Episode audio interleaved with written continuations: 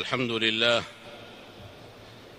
الحمد لله جامع الشتات غافر الزلات مقيل العثرات سامع الأصوات مجيب الدعوات يعلم ما مضى وما حضر وما هو آت.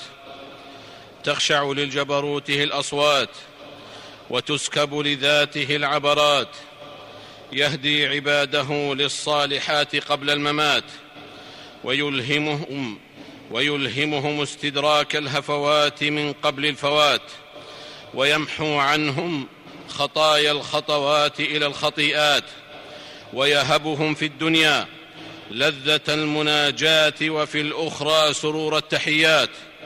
أحمده سبحانه وأشكره وأتوب إليه وأستغفره. فهو المرتجى في الرخاء وعند الملمات. وأشهد أن لا إله إلا الله وحده لا شريك له.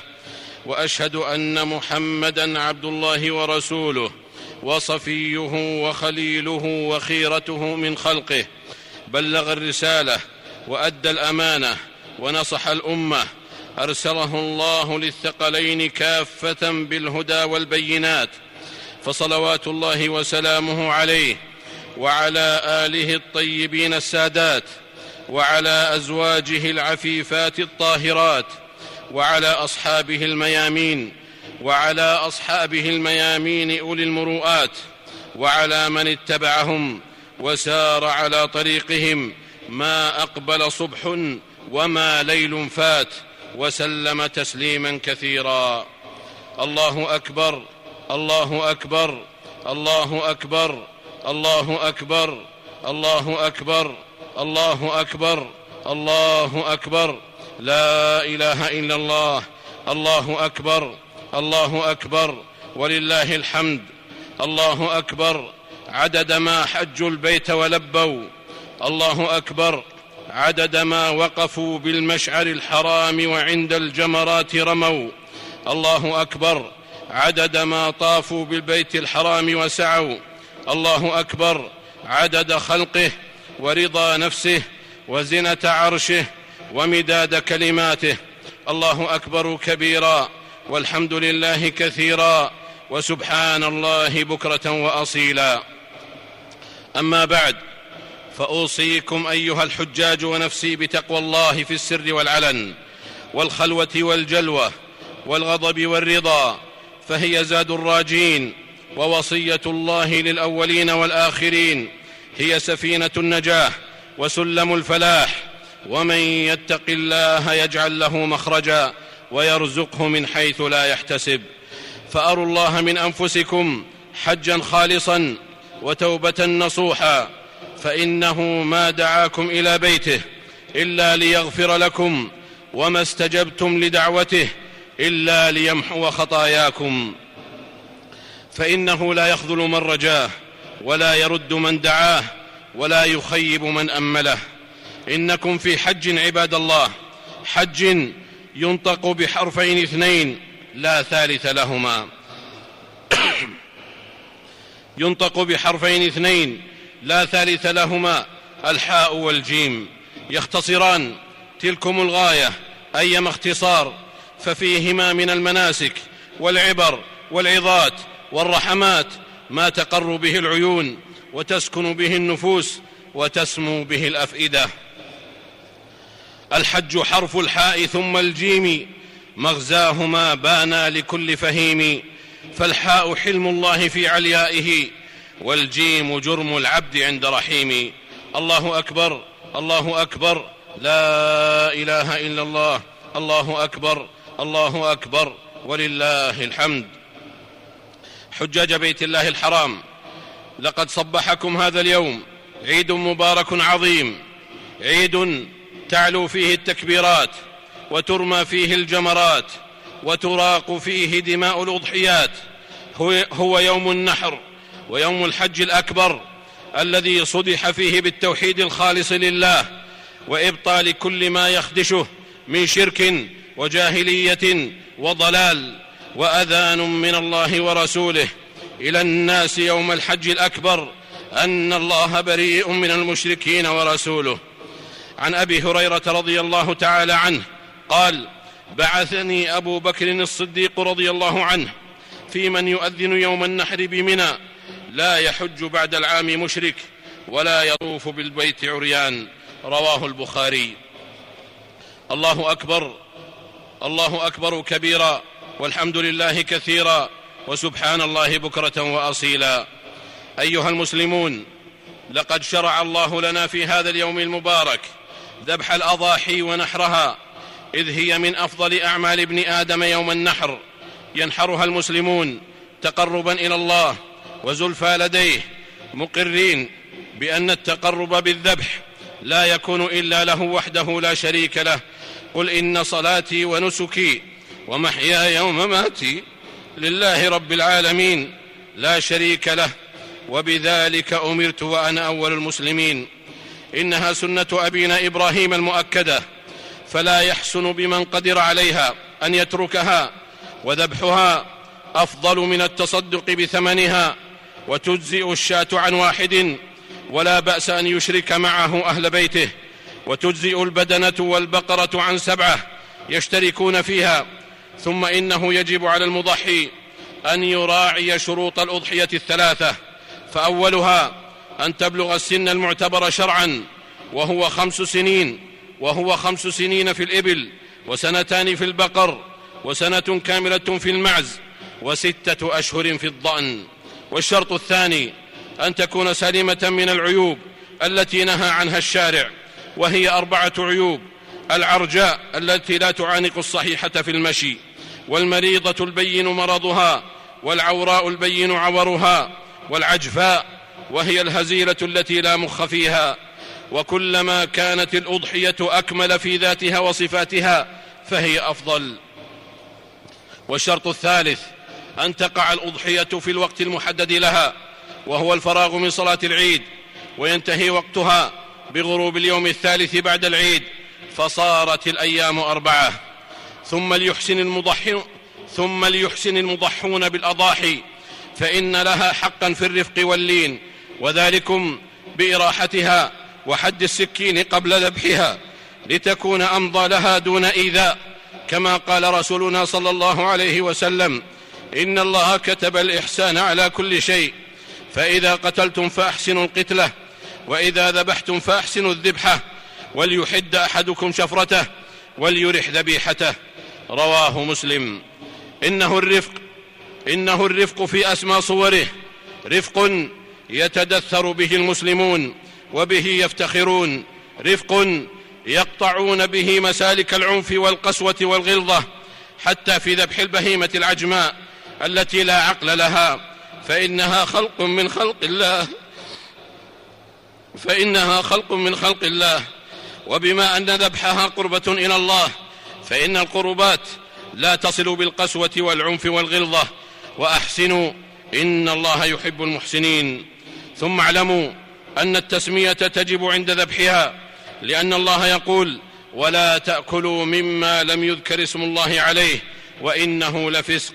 ويستحب للمضحي أن يأكل منها ويهدي ويتصدق. ولا يعطي الجزار أجرته منها. فضحوا رحمكم الله. واهدوا وأروا الله من أنفسكم في هذا اليوم. اشاره تلكم الشعيرة. تقبل الله ضحاياكم وهداياكم. الله أكبر. الله أكبر. لا إله إلا الله. الله أكبر. الله أكبر. ولله الحمد. حجاج بيت الله الحرام. في تجمع الحج العظيم. يتجلى معنى سام من معاني الوحدة والتلاحم والتآلف وأن الدين الإسلامي يجمع ولا يفرق يؤلف ولا ينفر وأن اختلاف الألسن والألوان والأنساب والأعراف لم يكن قط مانعا من اجتماع ذويه على صعيد واحد يجأرون لرب واحد بهتاف واحد ولباس واحد لا فضل لعربي منهم ولا أعجمي ولا أبيض ولا أسود إلا بما يحمله في قلبه من تقوى خالقه. لن ينال الله لحومها ولا دماؤها ولكن يناله التقوى منكم. فالاجتماع على الحق رحمة كله والفرقة شقاء كلها والأمة الرابحة هي من تعي ذلكم الحمل العظيم فتجعل من أولوياتها تحصيل ما يجمع ونبذ ما يفرق وأطر نفسها على قبول اختلاف التنوع بينها وتحمله ما لم يكن اختلاف تضاد يتعذر الاجتماع معه. واعتصموا بحبل الله جميعا ولا تفرقوا. واذكروا نعمة الله عليكم إذ كنتم أعداء فألف بين قلوبكم فأصبحتم بنعمته إخوانا. الله أكبر الله أكبر لا إله إلا الله الله أكبر الله أكبر. ولله الحمد. حجاج بيت الله الحرام إن نسككم هذا قد اجتمع فيه حرمتان حرمة زمان وحرمة مكان فزمانه شهر حرام ومكانه بلد حرام وفي الحرمتين قوام الأمن ومع وفي الحرمتين قوام معنى الأمن والاستقرار المفرزين السكينة والطمأنينة. فزمن النسك وعرصات المشاعر ينبذان كل شعار غير شعار التهليل والتلبية والتكبير. وقد رأيتم بأبصاركم وبصائركم وأنتم تؤدون مناسك الحج في عرصات البلد الحرام حاجة الأمة إلى الاستقرار في المجتمعات وما يثمره ذلكم الاستقرار من أمن جسدي ومالي وفكري وغذائي وصحي. حيث إن جميع شؤون الحياة مرهونة به وجودا وعدما. فلا تمام لطاعة يعتريها خوف ولا صفاء لعيش تنغصه فوضى ولا تقدما إيجابيا وسط الصراع إنه الاستقرار الذي يقابل الشغب والاختلال وإنه الانتظام الذي يقابل الفوضى والاستهتار. فبالاستقرار يسود الأمن وبالأمن يؤدي المرء أمر دينه ودنياه بيسر وسهولة وطمأنينة بال. وإن السعي الهادئ وإن السعي الهادئ واجتماع الكلمة الصادقة للأفراد والجماعات بلا التفات إلى ما يثلم الجماعة لهو الذي يوصل إلى المبتغى. قبل السعي المشوب بالالتفات فإن المتلفت كثيرا لا يصل سريعا. والالتفات لا قيمة له ما دام الاستقرار هو المهيمن على مراحل العمل على مراحل العمل والمسير. ولقد صدق الله ولا تنازعوا فتفشلوا وتذهب ريحكم واصبروا إن الله مع الصابرين. وإن المجتمع الفطن هو ذلكم الذي يغرس في أفئدة بنيه معنى حيازة الدنيا على حقيقتها دون تلبيس أو تزوير أو إغراء بصراعات ليسوا من بابتها. يؤكد ذلكم جليا نبينا صلى الله عليه وسلم في قوله من أصبح امنا في سربه معافا في بدنه عنده قوت يومه فكأنما حيزت له الدنيا بحذافيرها رواه الترمذي والبخاري في الأدب المفرد. الله أكبر الله أكبر لا إله إلا الله الله أكبر الله أكبر ولله الحمد. حجاج بيت الله الحرام. لقد نهى الله حجاج بيته العتيق عن الوقوع في الجدال الممقوت حال تلبسهم بنسك الحج العظيم. فقال جل شأنه فلا رفث ولا فسوق ولا جدال في الحج. إنه توجيه إلهي كريم يدرك من خلاله الواعون أن الجدال المقيت ما كان في شيء إلا شانه وما نزع من شيء إلا زانه. وأنه منشأ الخصومات وحاضنها وهو معول يهدم ولا يبني وحصى خذف يفقأ العين ولا يقتل الصيد. لا عاقبة له إلا الانحراف عن المسيرة العلمية الواعية واشتمال ضلال ثقافي مروع كما قال النبي صلى الله عليه وسلم ما ضل قوم بعد هدى ما ضل قوم بعد هدى كانوا عليه إلا أوتوا الجدل ثم تلا رسول الله صلى الله عليه وسلم هذه الآية ما ضربوه لك إلا جدلا بل هم قوم خصمون. رواه الترمذي.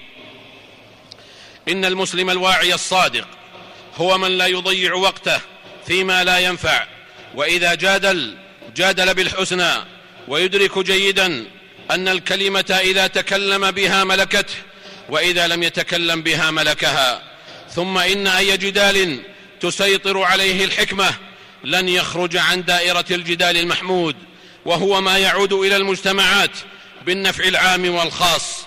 شريطة الا تكون حكمة مشوشة ينقضها قول الله جل شأنه ادع إلى سبيل ربك بالحكمة والموعظة الحسنة وجادلهم بالتي هي أحسن. إن ربك هو أعلم بمن ضل عن سبيله وهو أعلم بالمهتدين. والمجادل عباد الله لا بد أن يكون أحد ثلاثة إما حكيما أو نزقا أو جاهلا. فأما الحكيم فإن الدين شريعته والرأي الحسن سجيته وأما النزق فإنه إن تكلم عجل وإن حدث أخطأ وإن حاور لاسا. وأما الجاهل فإن حدثته شانك وإن حاورته لم يرعك. ومن هنا تبرز الشخصية الحكيمة التي تفكر بحساب وتعمل بحساب وتلجم الانفعال والحماس والخمول والاستكانة بلجام من عقل وفكر واتزان. الله أكبر الله أكبر. لا إله إلا الله الله أكبر الله أكبر. ولله الحمد. حجاج بيت الله الحرام. إن من تأمل في مناسك الحج من أجر لمحسن النسك وما فيه من جزاء للمخطئ فيه. ليدرك بحق أثر الثواب والعقاب في توازن المجتمعات والأفراد كما هو في العبادات. وأنه لا ينبغي لأي مجتمع مسلم أن يغفل عن تحقيق ذلكم المبدأ العظيم في أوساطه وعلى كافة أحواله في عباداته ومعاملاته وتربيته وفكره وأسرته وبيئته واقتصاده وإعلامه وحقوقه على الذكر والأنثى والشريف والوضيع والغني والفقير. كما أنه لن يستقر مجتمع انحاز إلى أحد شطري هذا المبدأ فوضع ثقله على الثواب دون العقاب والعكس كذلكم. فلن يفلح نهج لا يعرف إلا الثواب ولا يسلك إلا مسلك الإرجاء. وفي مقابل ذلكم لن ينهض نهج لا يعرف إلا العقاب. ولا يسلك إلا طريق التنطع والمشادة والغلو.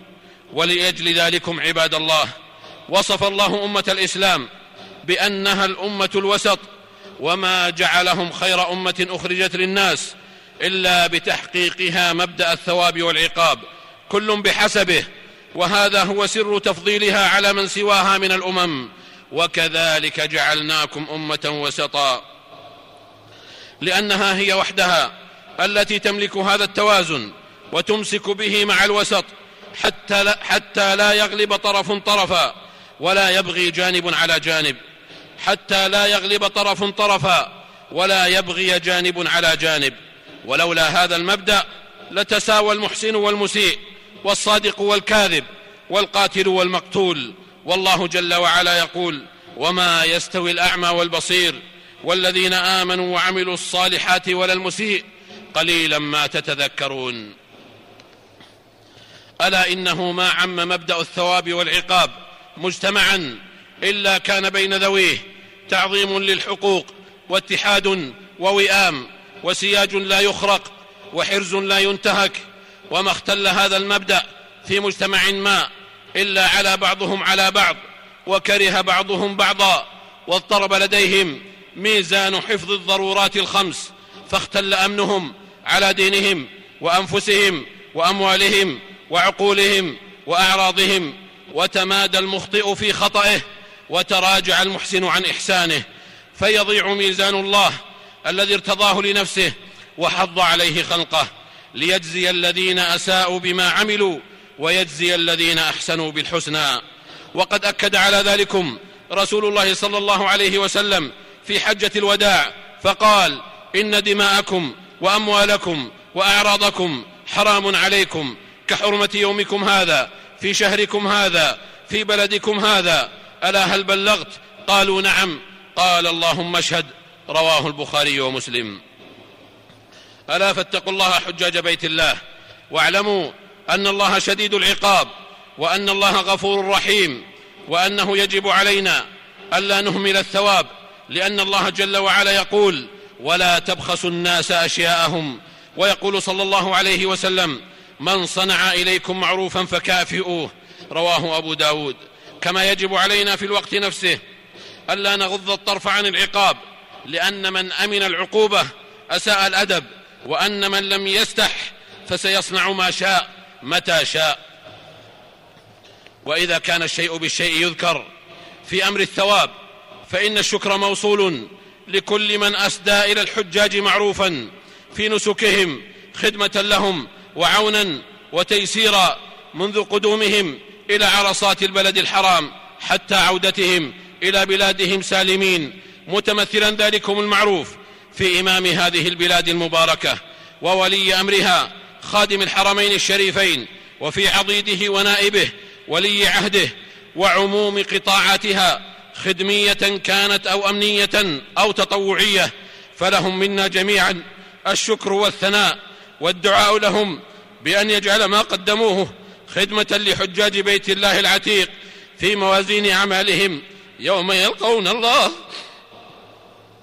فإن من منن الله على عباده عبر العصور فإن من منن الله على عباده عبر العصور السالفة أن قيض الله لهذا البيت من يحسن وفادته فتسابقت القبائل والدول على تقاسم ذلكم الشرف قوم بالسقاية وآخرون بالإطعام وتعاقبت على ذلكم الأجيال كلما جاءت أمة قامت بحقه إلى أن أكرم الله بلاد الحرمين الشريفين المملك المملكة العربية السعودية بشرف القيام بشؤون وفود بيت الله الحرام حجاجا ومعتمرين وفادة وسقاية وعمارة وإنها لتفخر بذلكم أيما فخر قيادة وشعبا.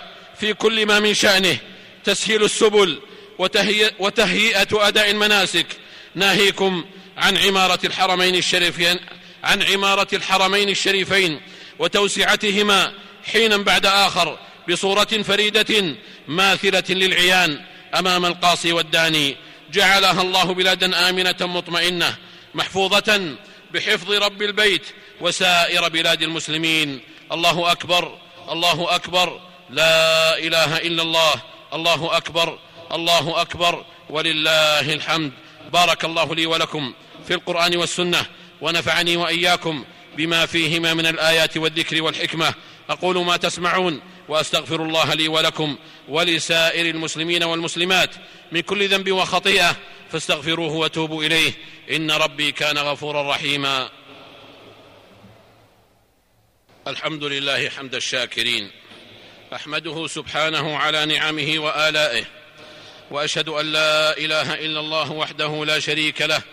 وأشهد أن محمدا عبد الله ورسوله. فصلوات الله وسلامه عليه. وعلى آله وأزواجه وأصحابه. الله أكبر الله أكبر لا إله إلا الله. الله أكبر. الله أكبر. ولله الحمد.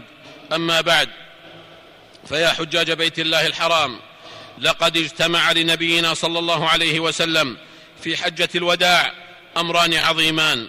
أولهما إشارة الله له قبل ذلك بدنو أجله والتحاقه بالرفيق الأعلى حينما أنزل عليه قوله إذا جاء نصر الله والفتح ورأيت الناس يدخلون في دين الله أفواجا فسبح بحمد ربك واستغفره إنه كان توابا. وقد أكد النبي صلى الله عليه وسلم ذلك في حجة الوداع بقوله أيها الناس اسمعوا قولي فإني لا أدري لعلي لا ألقاكم بعد عامي هذا. فكان مما أوصاهم به أن قال لهم وإني تركت فيكم ما لن تضلوا بعدي إن اعتصبتم به كتاب الله وأنتم مسؤولون عني فما أنتم قائلون؟ قالوا نشهد إنك قد بلغت رسالات ربك وأديت ونصحت لأمتك وقضيت الذي عليك. فقال بإصبعه السبابة يرفعها إلى السماء وينكتها إلى الناس اللهم اشهد اللهم اشهد. رواه ابن ماجه والبيهقي. أما الأمر الآخر في حجة الوداع فهو إتمام الله على نبيه معالم دينه الذي ارتضاه لنفسه والذي بناه على خمس شهادة أن لا إله إلا الله وأن محمدا رسول الله وإقام الصلاة وإيتاء الزكاة وصوم رمضان وحج بيته الحرام. لقد أتم عليه دينه لئلا يكون للناس حجة بأنه دين ناقص أو أنه غير صالح لكل زمان ومكان بل هو دين باق خالد لا أعدل منه ولا أسمح منه ولا أكمل منه ولا أقضى لحوائج الناس منه في معاشهم ومعادهم. وقد اتفق أهل العلم والحديث أن النبي صلى الله عليه وسلم كان واقفا بعرفة حجة الوداع يوم الجمعة فأنزل الله عليه قوله اليوم أكملت لكم دينكم وأتممت عليكم نعمتي ورضيت لكم الإسلام دينا. فاتقوا الله عباد الله واجعلوا هذه الآية نبراسا لكم فإن هذا الدين كامل لا نقص فيه بوجه من الوجوه فهو دين التوحيد والعبادة والسماحة والوحدة والإنصاف والعدل والمساواة. وإنه ما شاد هذا الدين أحد إلا غلبه. وقد قال سفيان الثوري رحمه الله من ابتدع في الإسلام بدعة يراها حسنة فقد زعم أن محمدا خان الرسالة.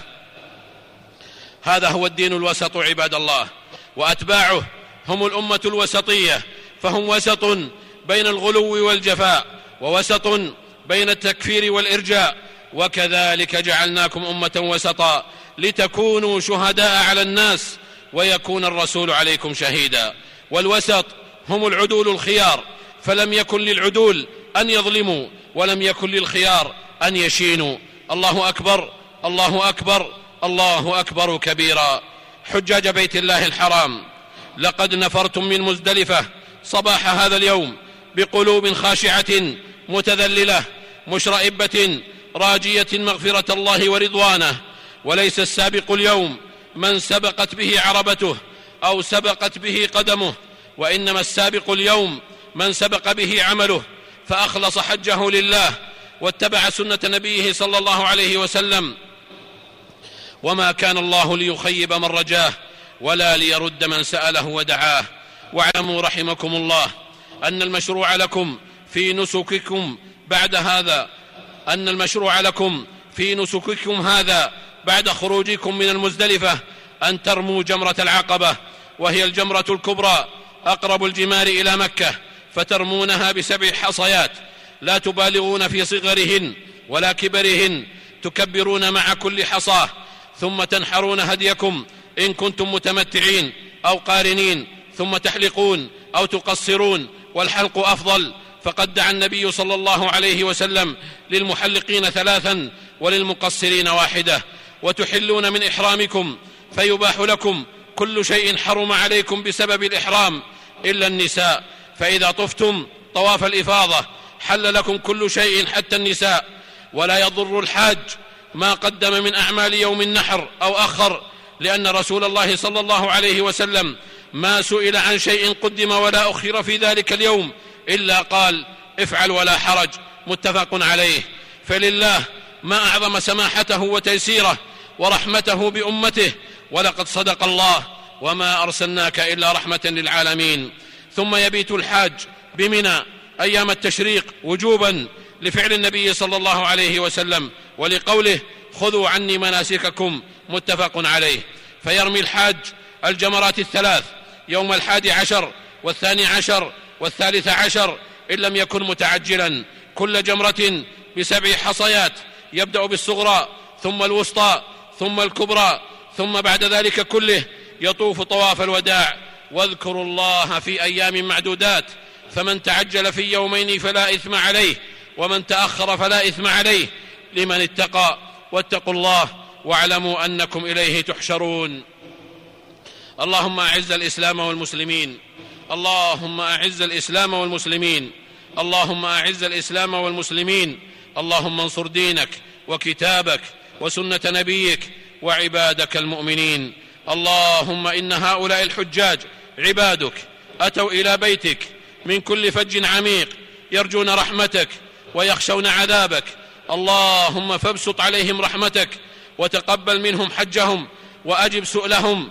اللهم إنهم وفدوا إليك شعثا غبرا وقد باهيت بهم ملائكتك. اللهم فلا تخيب رجاءهم واشملهم بعفوك وجودك وكرمك فإنك أرحم الراحمين وأكرم الأكرمين. اللهم هذا الدعاء ومنك الإجابة وهذا الجهد وعليك التكلان وإنك قريب تجيب دعوة الداعي إذا دعاك وإنك يا مولانا تسمع كلامنا وترى مكاننا ولا يخفى عليك شيء من أمرنا. اللهم إنا قد أصبحنا في بيت حرام وبلد حرام وشهر حرام ويوم من أفضل الأيام. اللهم فاجعلنا فيه من المقبولين. واغفر لنا ولوالدينا ولإخواننا المسلمين. الأحياء منهم والميتين. اللهم آمنا في أوطاننا اللهم آمنا في أوطاننا وأصلح أئمتنا وولاة أمورنا واجعل ولايتنا في من خافك واتقاك واتبع رضاك يا رب العالمين. اللهم وفق ولي أمرنا لما تحبه وترضاه من الأقوال والأعمال يا حي يا قيوم. اللهم أصلح له بطانته يا ذا الجلال والإكرام. اللهم وفقه وولي عهده لما فيه صلاح البلاد والعباد. ربنا آتنا في الدنيا حسنة وفي الآخرة حسنة وقنا عذاب النار. سبحان ربنا رب العزة عما يصفون وسلام على المرسلين وآخر دعوانا أن الحمد لله رب العالمين. الله أكبر الله أكبر لا إله إلا الله. الله أكبر الله أكبر ولله الحمد.